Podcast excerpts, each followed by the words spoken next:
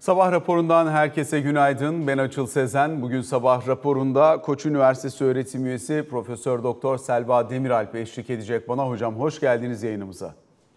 Hoş bulduk, iyi yayınlar. Öncelikle dün gelen makroekonomik veriler var. Bir miktar bunların üzerine odaklanmaya çalışacağız. Hem ödemeler dengesi verisi hem sanayi üretimindeki tablo hem de işsizlik rakamları. Diğer taraftan özellikle son dönemde para politikası üzerine verilen mesajlar. Türkiye'nin Özellikle son dönemde Batı ittifakıyla yerinin yakınlaşması, biraz daha netleşmesi sonrasında Türkiye'ye dönük verilen mesajlardaki olumlu ton yine bunlar da konuşacağımız diğer konular olacak. Hem Dünya Bankası'ndan hem Moody's'den son olarak Fitch'in görünüm değişikliğiyle birlikte oradan da bir miktar uluslararası piyasalarla Türkiye arasındaki sulh sağlanıyor olabilir mi sorusuna da yanıt aramaya çalışacağız. Bunun potansiyel etkilerini de değerlendirmeye çalışacağız programımız çerçevesinde. İlk etapta düne bir dönelim. Ödemeler dengesi tarafına bir bakalım. Kabaca 5,5 milyar dolarlık bir cari açık rakamı var. Dolayısıyla aslında yıllıkta 60 milyar dolara yakın kalmaya devam eden bir cari e, açıkla karşı karşıyayız. Son dönemde alınan önlemler var. Enerji maliyetleri aşağıya gelmiş olmakla birlikte altın ithalatının burada önemli faktörlerden bir tanesi oluşturduğunu da görüyoruz. Genel perspektifte ödemeler dengesi tablosunun önümüzdeki süreçte alınacak olan bu önlemler ve sıkılaşma mesajlarıyla ne kadar dengelenmesini beklersiniz diyerek sorayım. Şimdi aydan aya baktığımız zaman cari açık çok oynaklık gösteriyor. Onun için aylık veri üzerinden değil de sizin de zaten sorunuzun e, kurgulanması genel trendin ne şekilde olacağı şeklinde. Çünkü bir ay önce fazla veriyorlar, veriyoruz sonra tekrar açık veriyoruz. Ama genel olarak baktığımız zaman mesela altın ithalatı da sonuçta e, bu para politikasının kurgulanmasındaki bence e, yanlışların bir sonucu olarak e, gelişmişti. İnsanların alternatif tasarruf alternatifi olarak altını düşünmesiyle ilintiliydi. Dolayısıyla şu anda gidişat ne yönde diye bakarsak önemli bir e, iyileşme var e, para politikasının gidişinde. Daha gidecek çok yolumuz var doğru. Fakat e, ne kadar hızlı bir şekilde normalleşirsek, ne kadar hızlı bir şekilde e, enflasyonu ve Türk lirasının e, Türk lirası tasarrufların enflasyona karşı erimesinin önüne geçilirse onun ben e, cari açığı da olumlu yönde etkileyeceğini düşünüyorum. Hem altın açısından e, düşünüyorum hem de e, üretim yapımızın e, sonuçta e, Türk lirasının faizinin artması durumunda e, Türk lirasının güçlenmesi bu da e, cari açığı yine olumlu yönde etkileyecek bir faktör olacak diye düşünüyorum. Bu noktada e, net hata noksan kalemi önemli faktörlerden bir tanesi. Seçim öncesinde e, özellikle burada kabaca 12,5 milyar dolar civarında bir e, çıkış olduğunu gözlemlemiştik iki ayda.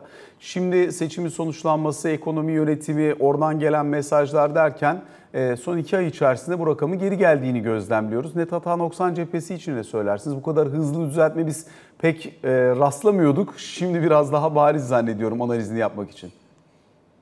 Öyle. Öte yandan net hata ve noksanın tam olarak da ne olduğunu bilemediğimiz için hangi sebeplerden dolayı çıkıyor, hangi sebeplerden dolayı giriyor orada biraz da bir e, spekülasyon yapma durumunda kalıyoruz. Ama e, sizin de dediğiniz gibi zamanlama açısından hani seçimin hemen öncesinde bunun artması, e, sonrasında azalması e, belki e, yurt içinde olan e, kişilerin e, dışarıdaki hesaplarına e, bir seçim belirsizliğinden dolayı kaynak aktarımı e, ya da e, ödemelerini yurt dışındaki hesapları üzerinden yapma sonunda e, sisteme bir şekilde dahil olmaması ama e, sonrasında seçimle birlikte tekrar önümüzün görülmesi, uygulanan ortodoks politikalara dönüşle birlikte güvenin artması ve o güvenle birlikte de belki tekrar bir sermaye girişi oluyor gibi görünüyor. Ama hani dediğimiz gibi tam olarak ne olduğunu bilmediğimiz için de çok fazla yorumlamakta da zorlanıyorum açıkçası. Peki bir miktar isterseniz buradan e, diğer makroekonomik verilere de gidelim. Sanayi üretiminde birkaç ay devam eden nispeten böyle e, oynak bir e, veri setiyle karşı karşıyaydık. Seri çok bir şey söylemiyordu bize. Bir miktar soğuma sinyali veriyordu. Ama geçen aya baktığımız zaman manşet verinin yüksek geldiğini gözlemliyoruz. Beraberinde de özellikle yine dikkate değer bir şekilde hani aydan aya baktığımızda e, hala çok kuvvetli olmayan bir veriyle karşı karşıyayız. Genel perspektifte sanayi üretimi ve son dönemdeki bu soğuma e, emarelerini nasıl görüyorsunuz diye sormak istiyorum size. Tabii ki takvim etkisi e, burada çok belirleyici faktörlerden bir tanesini oluşturuyor. Ama e, mevsimsellikten ve takvim etkisinden arındırılmış endeks diye baktığımızda %0.4'lük bir azalış var. Manşet veri kuvvetli olmakla Evet. birlikte. Bu bizim beklentilerimize paralel. Ee, Sizinle geçen yayında da büyüme verileri tahminlerimiz üzerinden bir parça gitmiştik. Orada çeyreklik e, baktığımız zaman biz e, üçüncü çeyrekte, ikinci çeyreğe e, nazaran e, önemli bir yavaşlama bekliyoruz. Neredeyse e, durağına yakın e, bir tablo bekliyoruz. E, Dolayısıyla e, üçüncü çeyreğe ait veriler e, de bu yönde e, geldikçe e, biz e, bunların e, üçüncü çeyrekteki e, büyüme verisinde e, bir yavaşlama olarak e, geleceğini düşünüyoruz. Yani bu bir negatif büyüme anlamında söylemiyorum ama sonuçta baktığımız zaman çeyreklik bazı 3.5 büyümüştü Türkiye ekonomisi ikinci çeyrekte. E, muhtemelen üçüncü çeyreğe ciddi bir e, yavaşlama göreceğiz. E, ve şunun da yine altını çizmek istiyorum. Bu e, faiz artışlarının etkilerini görmek için daha çok erken. E, yani para politikasının hep uzun ve değişen e, gecikmelerle ekonomiye etki ettiğini biliyoruz. Onun için e, şimdiden şunu söylemek lazım. Üçüncü çeyrek e, verisi tabii biraz gecikmeyle gelecek. Şu anda içinde olduğumuz çeyrek. Ve orada e, biz yavaşlama gördüğümüz zaman işte faiz arttı, onun için ekonomi yavaşladı diye bir sonuca varmamak lazım. O aslında bence e, enflasyonun yarattığı ekonomideki yıpranma, alım gücündeki azalma ve e, bunun yarattığı bir e, yavaşlamanın e, sonucu. Ve şu da var tabii ki seçim döneminde biz yüksek enflasyonun e, yarattığı alım gücündeki yavaşlamayı bertaraf ettik. O seçim politikalarıyla işte faiz indirimleri olsun, bir takım teşvikler olsun. E şimdi üçüncü çeyrekte e, seçim sonrası e, bu seçim ekonomisine e, bir son verildi tabii ki. E, onun da etkisiyle biz enflasyonun o e, ısıran e, olumsuz etkilerini e, çok daha e, içimizde hissettiğimiz ve normalde beklenen o enflasyonun yavaşlatıcı etkisini şu anda e, veriyle giderek e, görmeye başladığımızı düşünüyorum. Şimdi bir tarafıyla da özellikle e, işin içerisinde genel trende baktığımızda hani sadece sanayi üretimi diye değil ama işte mesela PMI verisine baktığımız zaman orada bir yavaşlama e, önemli ölçüde dikkat çekiyor.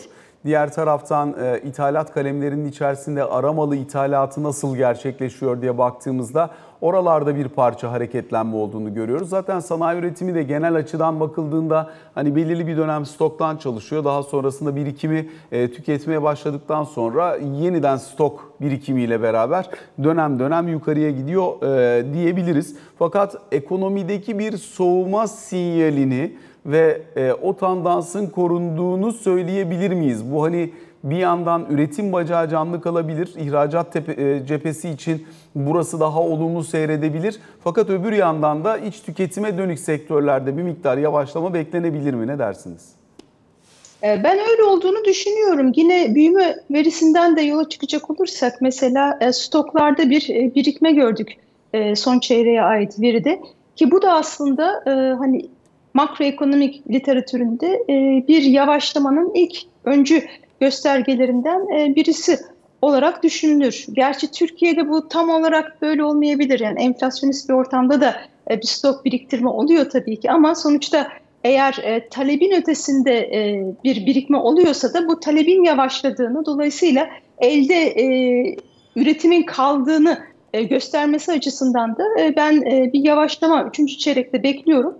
Ve oradan da yola çıkarak aslında e, bunun bir stagflasyon e, riski olduğunu da söyleyebiliriz. Çünkü bir yandan 3. çeyrekte yavaşlama görürken ve bir yandan da enflasyonun e, yukarıya gittiğini görüyoruz. E, bu ikisi bir araya geldiği zaman da teknik adı bunun stagflasyon oluyor. Peki hocam e, özellikle işte işsizlik rakamlarına baktığımız zaman orası nispeten daha bardağın dolu olan tarafı. E, özellikle rakamın işte e, 9.4'lere kadar gerilemiş olması.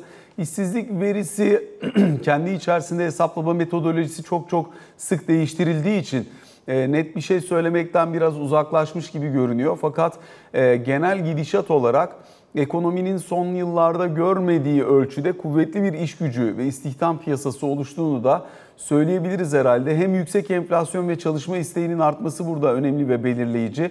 Ücretlerin ciddi anlamda yükseliş içerisinde olması da belirleyici faktörlerden bir tanesi. Ne dersiniz işsizlik konusu için? Ee, size katılıyorum. Evet, e, alım gücünün düşmesiyle birlikte e, insanların e, iş gücüne katılım konusunda daha düşük belki ücretleri kabul etme konusunda e, bir eğilimleri var.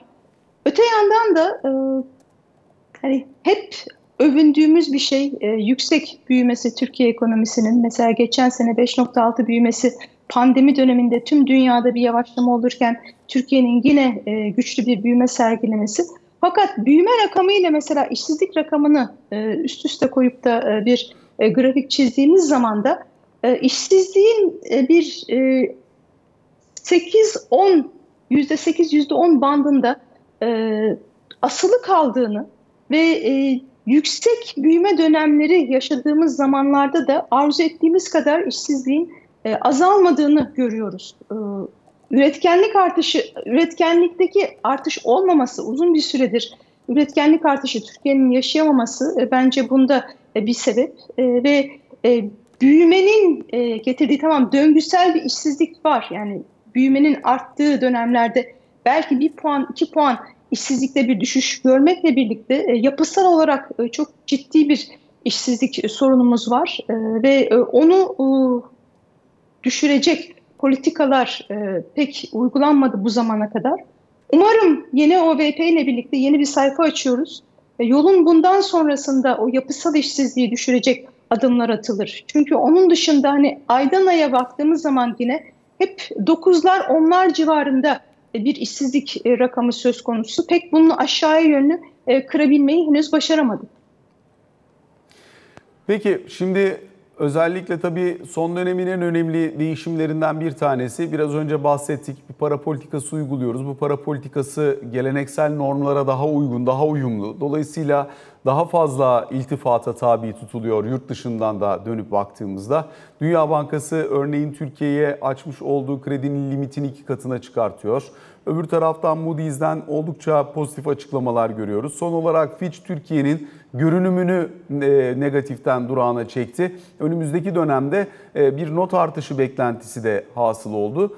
Gelen mesajlar hep pozitif. Dolayısıyla buranın biraz önce konuştuğumuz o cari açık finansmanı açısından ve para politikasının uygulanabilirliğinde ekonomi yönetiminin elini güçlendirmesi açısından nasıl okunabileceğini düşünüyorsunuz? Ee, yani gelişmeler tabii ki çok olumlu. Yani ben e, seçim öncesinde, yani seçimden 100 gün sonra eğer iktidar partisi kazanırsa ekonomi nerede olur e, diye bana sorsalardı, e, çok daha kötü bir yerde olabileceğimizi düşünüyordum. Çünkü seçim öncesindeki politikaların hep devam edeceği sinyali verildiği için de o politikalarla gerçekten ben yolun sonuna gelindiğini düşünüyordum. Ama şimdi sanki gerçekten yani muhalefet partisi kazanmış e, gibi e, politikaların değiştiğini, kadroların değiştiğini ve denenmiş, e, hepimizin e, etkisini bildiği, öngörebildiği e, politikalara geçildiğini gördüğümüz için dünyanın hani en azından Batı dünyasının hatta Doğu dünyasının duyduğu güven, iyimserliği biz de tabii ki iktisatçılar olarak duyuyoruz.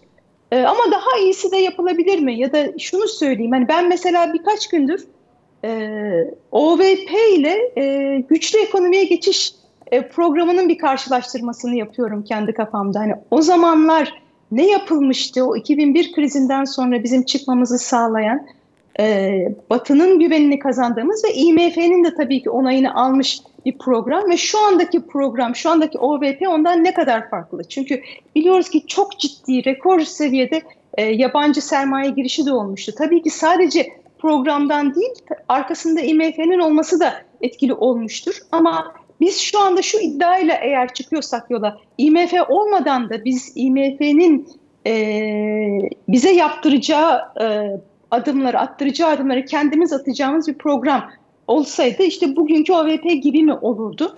Ee, Benziyor tabii ki. Yani e, ortodoks politikaların uygulanması açısından e, çok e, örtüşme var. E, fakat benzemediği taraflar da var. O da daha çok o, somut bir şekilde bir takvimin e, verilmesi açısından bence iki e, program arasında e, ciddi farklılıklar var. E, mesela güçlü ekonomiye geçiş programının tarihlerine baktım. İşte e, Kemal Derviş e, 1 Mart 2001'de e, bakanlığı onaylanıyor.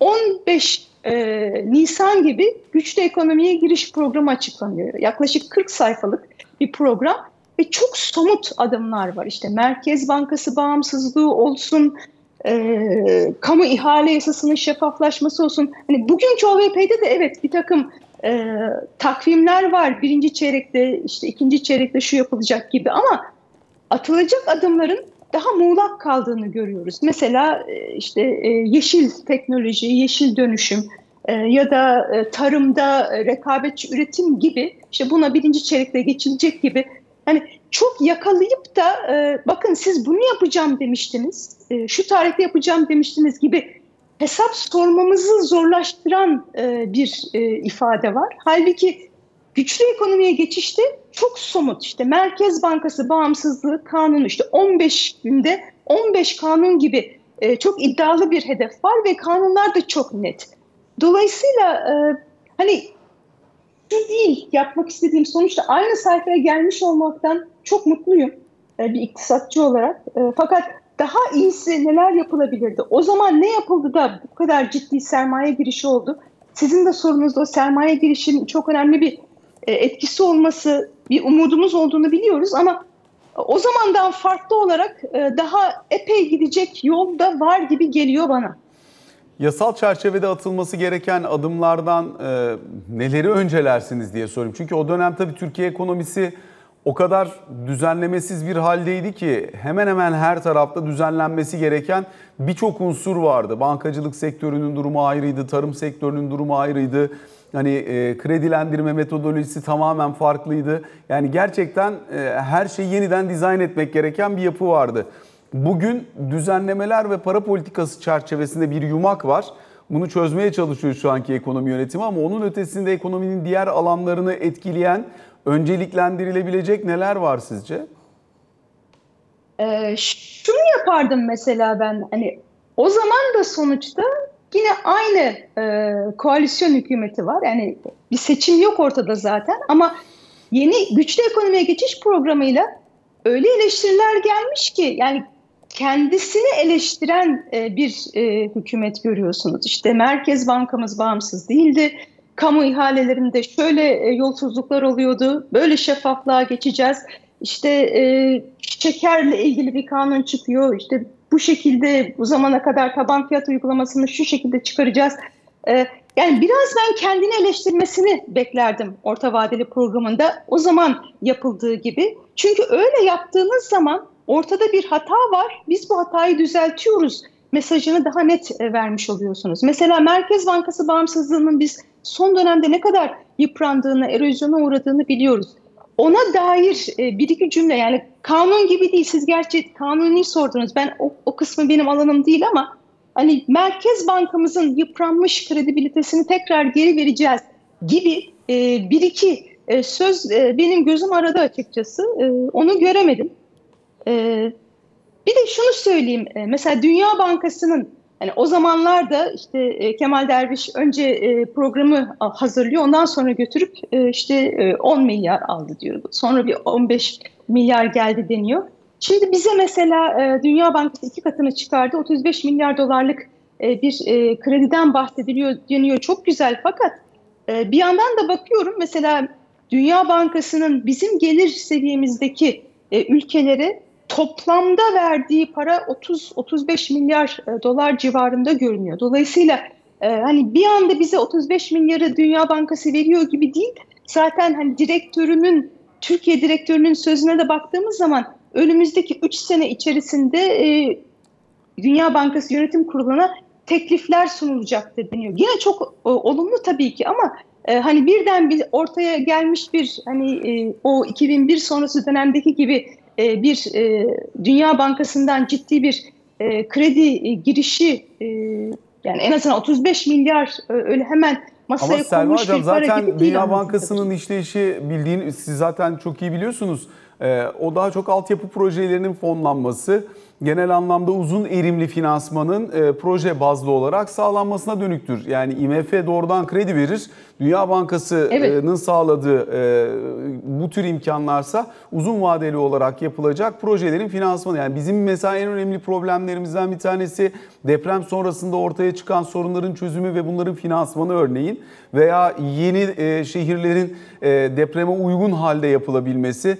Bunun dışında çeşitli diğer altyapı projelerinin beslenebilmesi. Hani önümüzdeki 3 sene boyunca bunların finansmanını sağlayabilecek bir imkanın gelmiş olması bile yani zaten 17 milyar dolarlık devam eden bir proje fonksiyonu var Türkiye'nin Dünya Bankası ile hattında.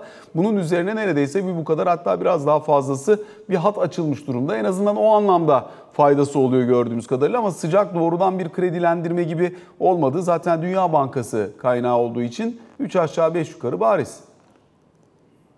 Evet, e, yani ben henüz geliyor mu onu çok anlayamadım. Çünkü Lopez'in e, sözlerini hani okuduğum zaman İşte e, limit hani artıyor, bunu proje bazlı olarak e, limit artıyor. Limit arttıktan sonra proje bazlı olarak e, bunlar her proje bazında kabul görerek geldiği için Dünya Bankası kredileri o şekilde sağlanıyor. Evet. Evet, evet yani e, aynı fikirdeyim. E, olumlu tabii ki ama hani çok e, bir anda bir e, çünkü okuduğunuz zaman biraz haberler yanıltıcı olabiliyor. Sadece onu dikkat çekmek istedim. Peki hocam e, yine buradan döneyim bir miktar daha e, önümüzdeki döneme ilişkin işte bir sonraki e, para politikası kurulu toplantısında beklentinizin ne olacağını da sorayım. Çünkü burası şöyle bir noktaya geldik. Piyasa artık politika faizini yıl sonunda 35'lerde bekliyor. Bu toplantıda ne olur, sonrakilerde ne olurdan ziyade uzun vadede ulaşılacak yer sanki biraz daha e, belirgin ve belirleyici gibi.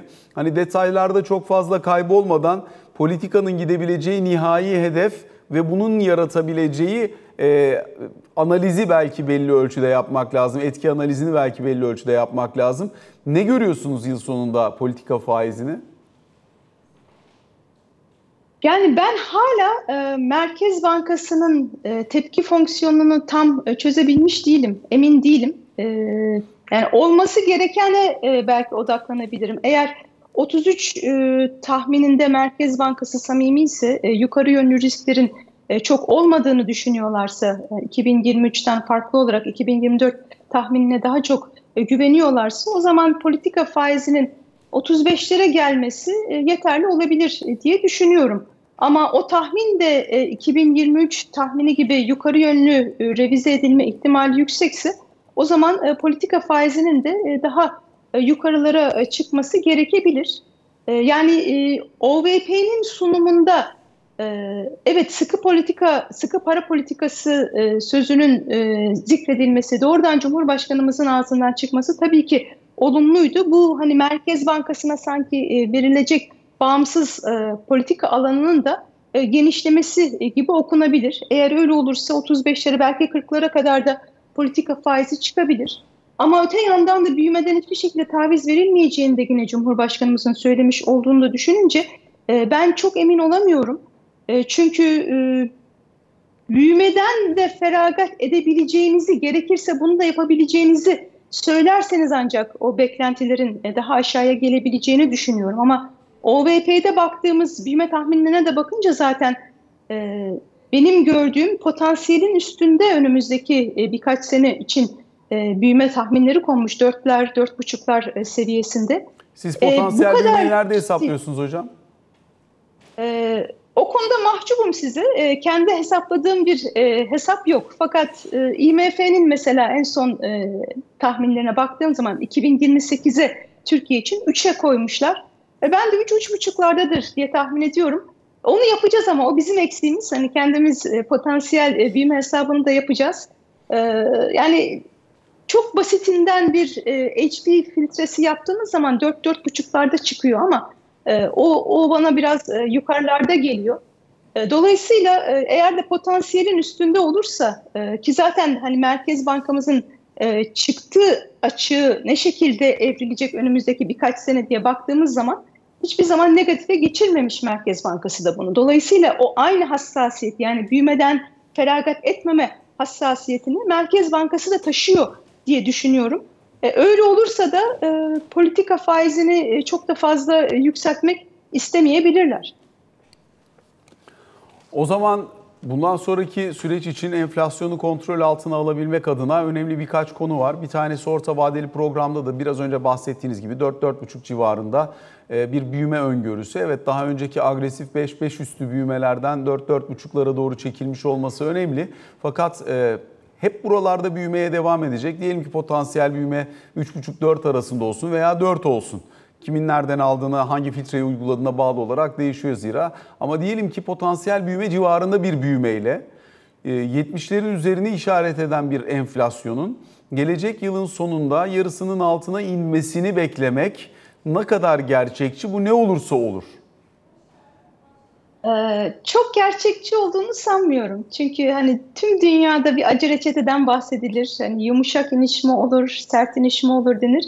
Ee, bizim orta vadeli plan e, çok program çok yumuşak bir iniş olacağını söylüyor. Sonuçta siz hiç potansiyelin altına inmeden, ekonomide bir resesyon bile e, yaratmadan enflasyonu 70'lerden alıp 35'lere indirebilmek e, zor. En e, hafif e, haliyle söyleyeyim. Yani nasıl olur? Çok ciddi bir sermaye girişi olur. E, bir taraftan siz iç talebi azaltırken bir taraftan da yatırımları arttırırsanız ve o zaman üretim kapasitesi artmış olur. O zaman olabilir. Yani o zaman hem büyüme artar üretim kapasitesindeki artıştan dolayı hem de talep düştüğü için yani talebin diğer komponentleri düştüğü için enflasyonda bir düşüş olabilir ama bu e, çok ideal hani rüya senaryo e, gibi düşünebileceğimiz bir senaryo. 2001 sonrası dönemde de yaşamadık mı? Yaşadık aslında hani düşünecek olursak. E, sırf kriz sonrasındaki o baz etkisi değil, ondan sonraki birkaç senede de onu gördük.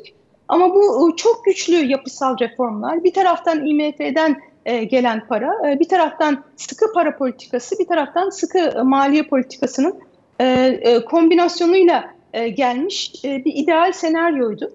E, şu anda hani onun için zaten hani konuşmanın başında da biraz güçlü ekonomiye geçişle e, bugünkü OVP'yi karşılaştırmak istedim. O zaman ne yaptık da oldu, e, şimdi ne eksik e, anlamında. E, çok kolay olduğunu düşünmüyorum. Bir de şunu söyleyeyim belki yani güncel bir konu olduğu için e, sıkı para politikasının da potansiyel e, büyüme üzerinde etkileri var. O konuda da e, bu San Francisco Fed'in e, yeni bir e, çalışması yayınlandı. E, bir ta, e, yazarlarından bir tanesi de Asper Jorda benim e, doktora danışmanımdır. E, şunu söylüyorlar. Eğer normalde para politikasının siz potansiyel büyümeyi çok etkilememesini beklersiniz. Hatta hiç etkilememesini beklersiniz. Çünkü potansiyel büyüme uzun vadelidir. Para politikası kısa vadeye odaklanır. Ama şunu bulmuş hocamın da dahil olduğu üç yazar.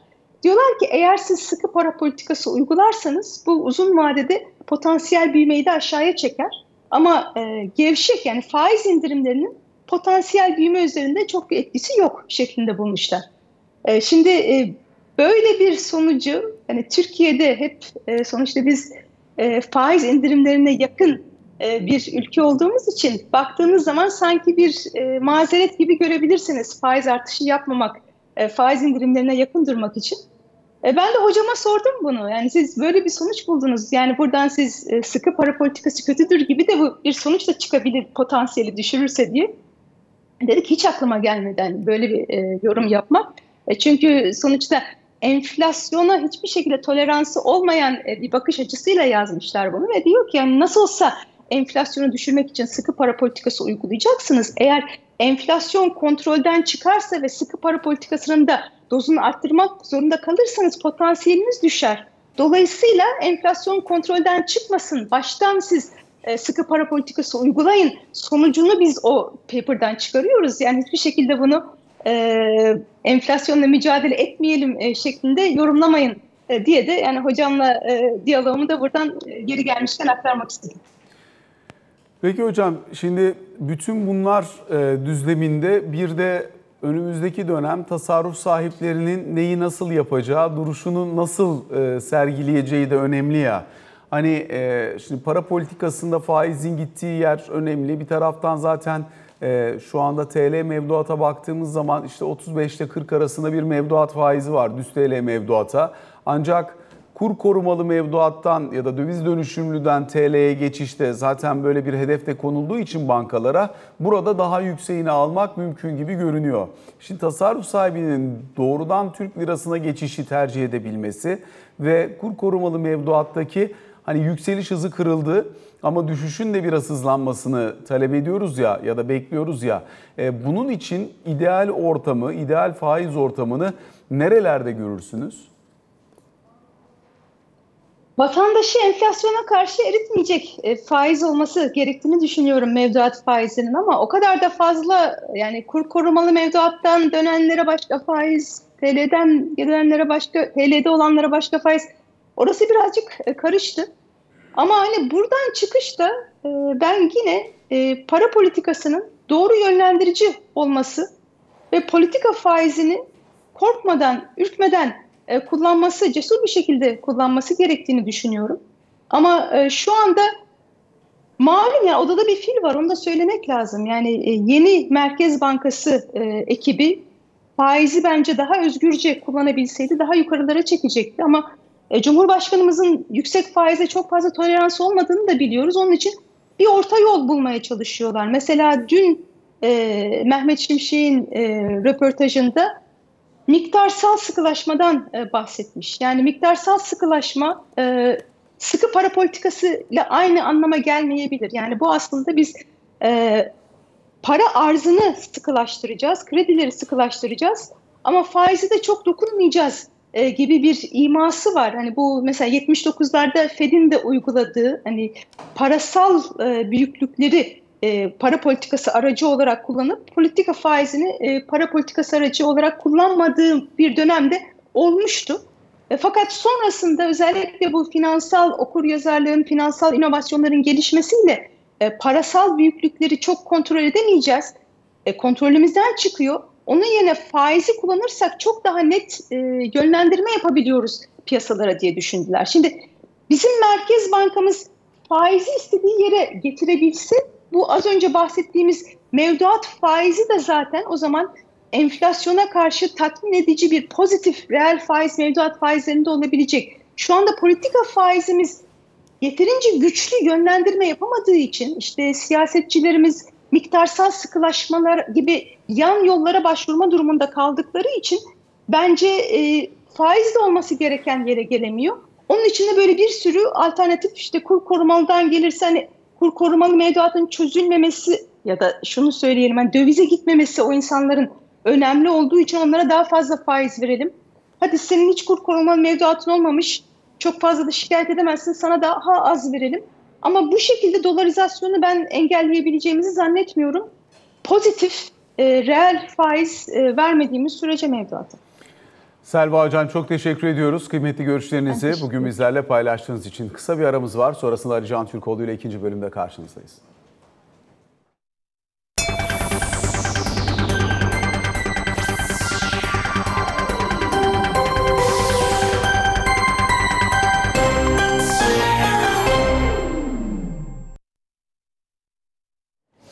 Sabah raporunun ikinci bölümüyle karşınızdayız. Ali Can Türkoğlu ile birlikteyiz. Ali Can günaydın. Günaydın. Cumhurbaşkanı Erdoğan'ın dünkü açıklamalarıyla bir başlayalım istersen. Önemli detaylar var içinde. E, uçak sonrası daha doğrusu G20 dönüşünde uçakta yapmış olduğu açıklamalar önemli. Zaten muhtemelen yansımalarını göreceğiz bugün önümüzdeki günlerde.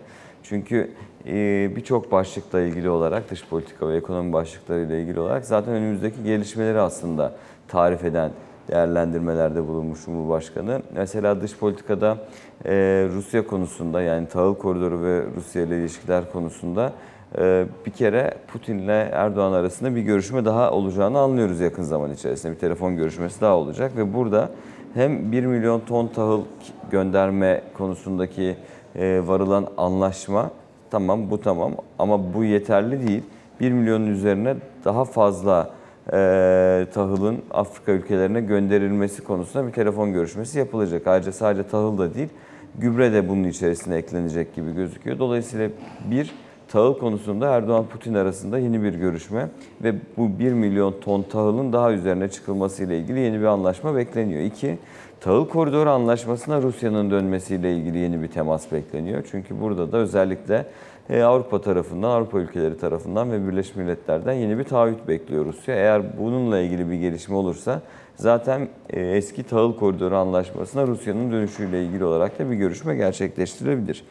Ee, onun dışındaki mesela Mısır'la görüşmeler oldukça önemli. Çünkü Mısır'la normalleşme kapsamında e, zaten aslında son noktaya kadar gelinmişti. İşte Sisi Erdoğan görüşmesi sonrasında da e, ilişkilerin daha da ilerlemesi için son adım atılacağı ifade ediliyordu. O görüşme gerçekleşti G20'de. Programda yoktu. En azından ilk taslak programda yoktu Erdoğan-Sisi görüşmesi. E, ama eklendi ve o görüşme gerçekleşti. Oldukça da olumlu geçmiş.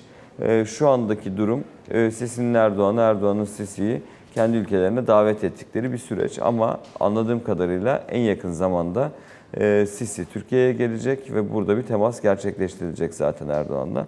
Onun dışında özellikle dün Paşinyan'la bir görüşme gerçekleştirildi ve şu anda Azerbaycan'la Ermenistan arasında yaşanan krizle ilgili olarak e, nükleer enerji konusundaki Bu Paşinyan meselesi önemli yani çünkü işte Azerbaycan'la yaşanan o savaş halinin bitişinin ardından Paşinyan'ın duruşunda bir farklılık, bakışında bir farklılık oluştuğunu, temaslarının arka arkaya temaslarının farklı noktalara evrildiğini gözlemliyoruz. Türkiye ile görüşmesinde o çerçevede mi okumak lazım? Ee, hem o var hem şu anda yine sınır hattında yaşanan çatışmalar var aslında. Aslında dediğin nokta şuradan oldukça kritik. Şimdi Ermenistan'la Amerika Birleşik Devletleri arasında ortak tatbikat başlatıldı. Yanlış açıdan söylüyorum. evet 9 gün sürecek ortak bir tatbikat. Ve bu noktada e, Rusya'nın Ermenistan'a bakışının çok daha farklı bir noktada olduğunu söyleyebiliriz bir sene öncesine oranla.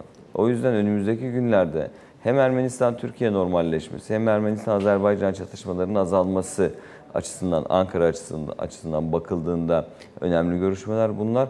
Ama Ermenistan açısından bakıldığında savaş sonrası e, tamamen, e, tamamen demeyeyim hani o çok fazla oluyor belki ama politikaların Amerikan politikalarına daha uygun bir şekle döndüğü ve Amerika ile temas, temasların e, oldukça arttığı bir Ermenistan görüyoruz işin doğrusu. Dolayısıyla önümüzdeki süreçte e, bölgede nasıl bir durumun yaşanabileceği konusunu da düşündürmüyor değil aslında bu süreç. Bunun dışında mesela enerji konusunda, nükleer enerji konusunda 3. nükleer santralle ilgili olarak e, Güney Kore Güney Kore ile Türkiye arasında bir temas gerçekleştiğini biliyoruz G20 esnasında ve bunun dışında da e, Türkiye'de kurulacak doğalgaz üssü artı finans merkezinde kurulacak enerji merkezi gibi adımlarla Türkiye'nin enerji konusunda önümüzdeki e, orta vadede e, hem nükleer enerji hem yenilenebilir enerji hem de enerji merkezi olma açısından e, çok daha kritik ve daha önemli görüşmeler ve toplantılar yapacağını anlıyoruz. Yani evet Rusya ile zaten mevcut nükleer santraller, Güney Kore ile 3. nükleer santral görüşmeleri. Bunun dışında kurulacak merkez doğrultusunda hem doğal gaz merkezi hem enerji merkezinden bahsediyorum bu arada ama doğal gaz üssüyle e, gelen doğal gazın farklı Avrupa ülkelerine satışı gibi yeni başlıklar ortaya çıkacak gibi. Dolayısıyla enerji başlığı önümüzdeki dönemde Türkiye'nin dış politika başlıklarının kritik e, dallarından birisi olacak. Biliyoruz ki İsrail ile de bu noktada görüşme yapılıyor zaten. E, Hindistan Başbakanı'nın gündeme getirdiği bir proje vardı. Hindistan Orta Doğu Avrupa Tren Hattı projesi. E, bu noktada da Türkiye'den geçmeyecek bir projenin e, verimli olmayacağı konusunda birçok görüşme yapılmış. Bu projeyle ilgili olarak da benim bildiğim kadarıyla zaten sadece Cumhurbaşkanı'nın G20 dönüşü yapmış olduğu açıklamalar değil, bu konuyla ilgili olarak ilgili bakanlıkların tamamı muhataplarıyla görüşme gerçekleştiriyor. O yüzden bu başlık yani e, tren hattıyla ilgili olarak ben çok kısa zaman içerisinde Ulaştırma Bakanlığı'ndan olabilir, Cumhurbaşkanı Yardımcılığından olabilir, Ticaret Bakanlığı'ndan olabilir yeni açıklamalar gelmesini bekliyorum. Bu kapsamda Dış politika başlığı önümüzdeki dönemde oldukça yoğun bir şekilde konuşulacak. Ekonomiyle ilgili söylediklerini zaten aslında dün gün boyu konuştuk. Bugün de muhtemelen e, önümüzdeki süreçte e, ekonomiyle ilgili atılacak adımların ne olduğuyla ilgili yeni değerlendirmeler duyacağız. Ama OVP'de belirtildiği gibi e, hem Cumhurbaşkanı'nın o gün yaptığı açıklamalar hem Cevdet Yılmaz'ın yaptığı açıklamalar üzerinden yeni bir yola girildiği ve bu yoldan çıkılmayacağına yönelik güçlü mesajlar veriliyor şu anda piyasaya ve aktörlere. Önümüzdeki süreçte daha farklı ne gibi adımlar atıldığını da göreceğiz. Çok teşekkür ediyoruz Ben teşekkür Alican. ediyorum. Böylelikle sabah raporuna son noktayı koymuş oluyoruz. Hoşçakalın.